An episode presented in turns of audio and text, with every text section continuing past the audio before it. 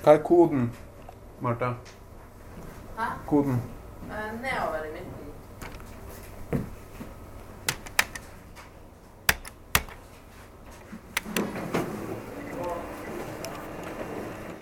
Dette er nok ikke siste gang at saksdokumentene til studentparlamentet ved Universitetet i Oslo må skrives ut i to omganger. Frem til nå har alt foregått på norsk, men nå stiller en liste laget av internasjonale studenter til valg.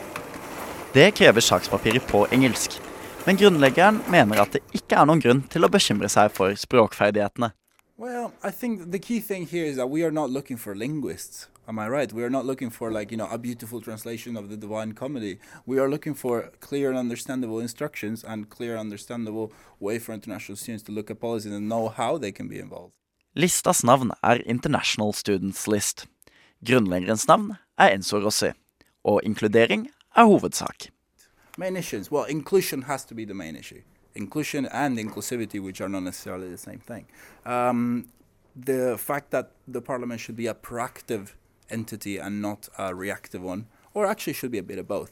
Her kan den norske studentbevegelsen bli flinkere. Uh, what do you mean with being proactive instead of reactive?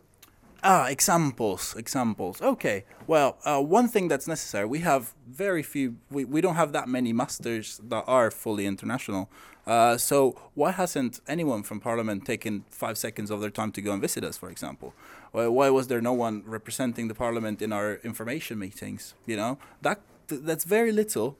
It's very little effort, and it would make such a big difference, I think. Hva håper så International Students List å oppnå med å stille til valg? Well, the main thing is that I want to be in everyone's ears and mouths. I want to, and and not in a sensual way. I mean, uh, I want to, I want to make sure that everyone is thinking about this. I want the other lists to think, oh crap, now the international students are all going to vote this people. We should put international policies at the top of our priorities as well.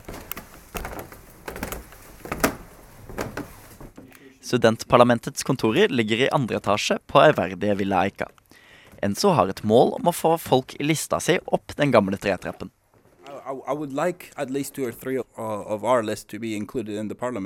and the, in the formation of the of, of the next of the next election. But the main the main goal is to ensure that the parliament as a whole uh, looks into representing international students because that's that's what it should be doing.